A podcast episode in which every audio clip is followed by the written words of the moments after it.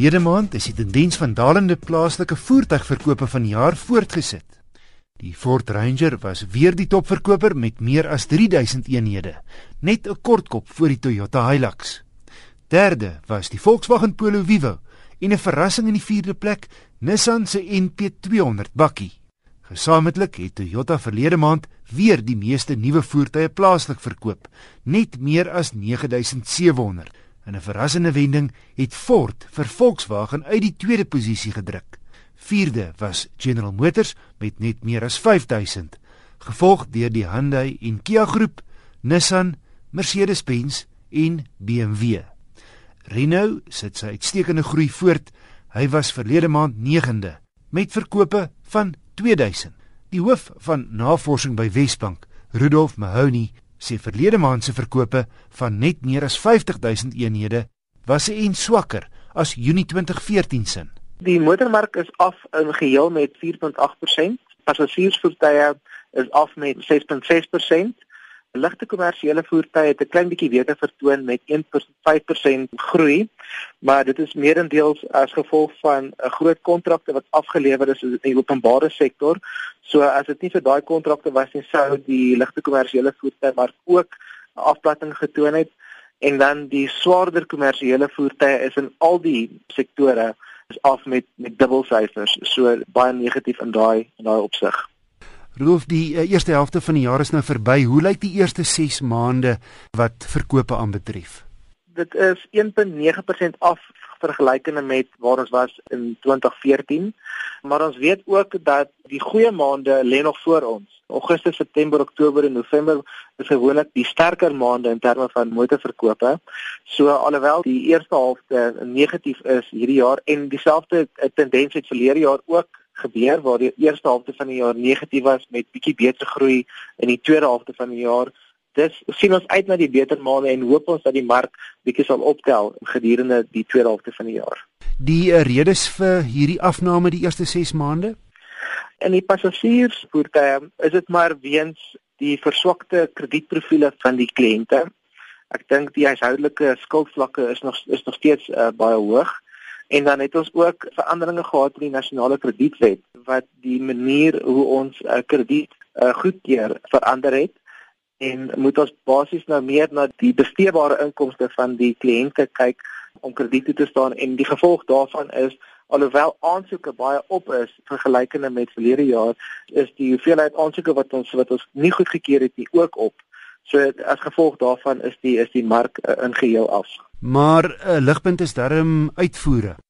Uitvoere is op met 33%, so dis baie positief. Ek dink dit is as gevolg van die APDP program wat uitvoere uh, stimuleer en en dit moontlik maak vir die vervaardigers om op uitvoere te konsentreer.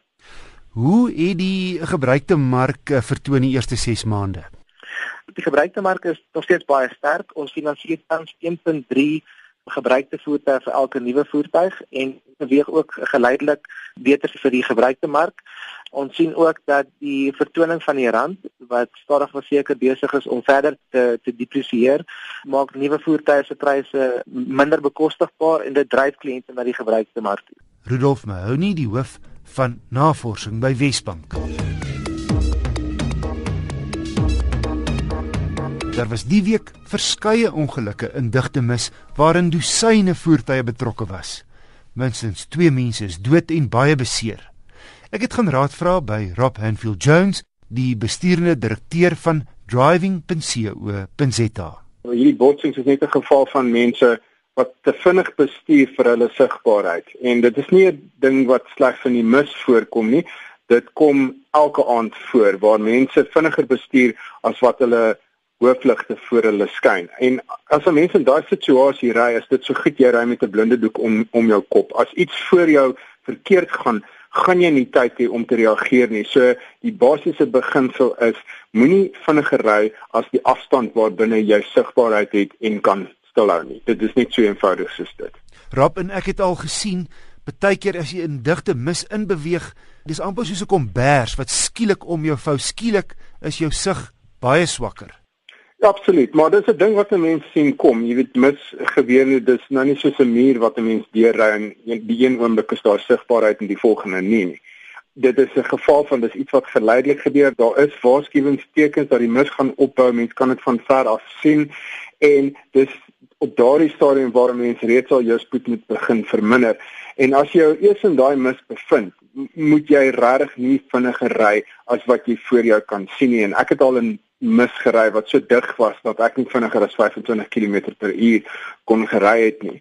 En in daardie stadium moet jy mense ook aan ag neem dat daar ander mense is wat nie so stadig soos dit kan ry nie. So dit is dalk 'n goeie idee om op daai punt heeltemal van die pad af te beweeg of om op die harde skouer te ry om uit die pad uit te wees van mense wat nog steeds verbyjag of selfs die motor heeltemal tot stilstand te bring om ver van die pad af te trek en uit die motor uit te klim en weg te stap want jy wil nie in daai motor wees as iemand om teen 120 van agter af raak ry nie. En uh, ek het al gesien dat daar wraggies waar mense is wat nie hulle ligte aan het in digte mis nie. Ja, dit kom weer op daai hele element van sigbaarheid en dit is een van die probleme van motoriste die wêreld om nie net in Suid-Afrika nie. Hulle verstaan nie belangrikheid van van vorentoe kan sien nie, met ander woorde sigbaarheid hê en hulle eie motors meer sigbaar maak aan, aan ander motoriste nie. En dit kan regtig die verskil wees tussen die tussen 'n botsing en 'n botsing vir my. As jy jou hoofligte aan het en as jy misligte het dalk met jou uh, noodflikkerligte aanry dit is vir my vreemd hoeveel mense as dit helder oordag is met hulle misligte aan rondry maar kom die mis het hulle dit nie aan nie dis nogal vreemd Rob Anfield Jones van driving.co.za Luisteraars kan gerus enige motornavrae aan my rig deur te e-pos na wissel by rsg.co.za